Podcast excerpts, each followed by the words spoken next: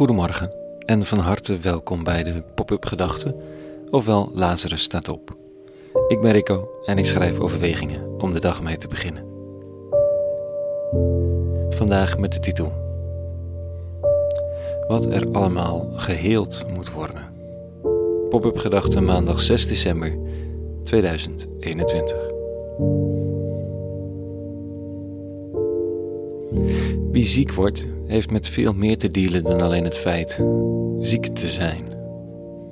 Het ligt een beetje in de heftigheid ervan, maar alleen al met een griepje besef je hoe kwetsbaar je blijkbaar bent. Slap als een vaatdoek op de bank, niets meer van je energie te vinden, geen idee hoe je eraan komt en je komt er niet zomaar vanaf. Dat duurt echt even. Overgave.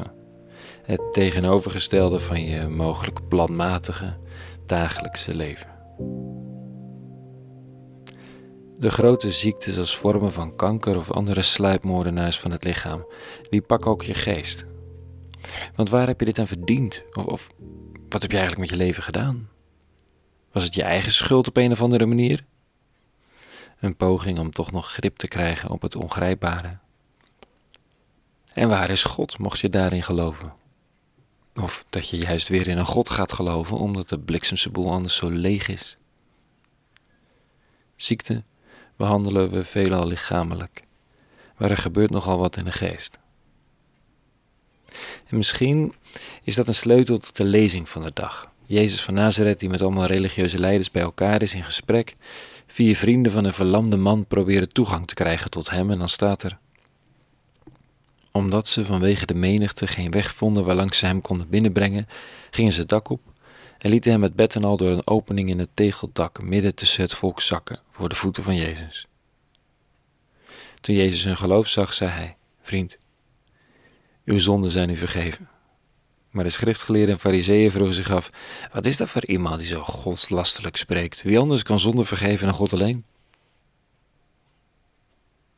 Allereerst dit fantastische actie. Met zulke vrienden, wat wil je dan nog meer? Het lef, de brutaliteit, het vertrouwen in de Jezus en dat je die kans niet wil laten glippen. Los van wat er theologisch verderop gebeurt, vergeet never nooit niet die vrienden. Die vanaf het dak met nog natrillende spieren beluisteren wat er beneden voor tumulten losbarst, nadat ze het bed midden in dat gesprek hebben laten zakken. Oké, uw zonden zijn u vergeven. Bizarre uitspraak. Want was het dan toch zijn eigen schuld? Wat had hij gedaan dan? Nou, misschien denk ik hier zo vanochtend vanuit de donkere nacht, ochtend in Amsterdam, raakt de man van Nazareth aan dat proces wat er achter die fysieke ziekte speelt. De worsteling met het zelf, het afgescheiden zijn van de wereld, van de mensen die lopen, de discussie met de eeuwige, alles wat zo vastloopt. En Jezus van Nazareth verbindt de eeuwige en deze verlamde mens weer in harmonie. En dat ik me kan voorstellen dat de verlamde even zijn ogen rust geeft. En dat als hij kon glimlachen, dat hij dat zou doen.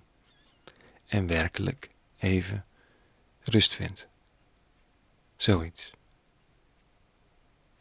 Maar dan ontstaat er natuurlijk discussie. Dat soort grote uitspraken doe je alleen in de tempel, keurig door priesters volgens de wet. Als het er buiten ook allemaal kan gebeuren, ontstaat er een oncontroleerbare wildgroei.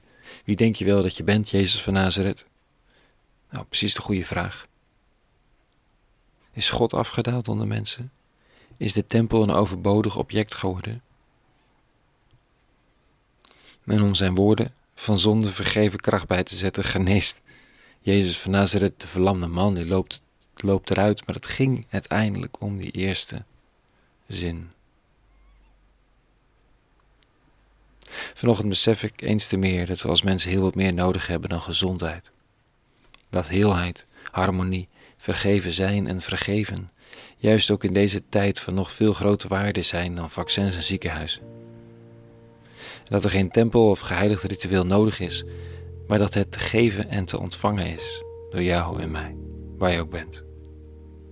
Dat is de realiteit waar Jezus van Nazareth aan begon. Deze week me weer eens mezelf aan herinneren. Vergeving, harmonie, verzoening, heelheid. Het kan overal. Het heeft alleen mensen nodig die het verlangen, die het delen en die het doen. Tot zover. de pop-up gedachte van vanochtend. Een hele goede maandag gewenst. En vrede. En alle goeds.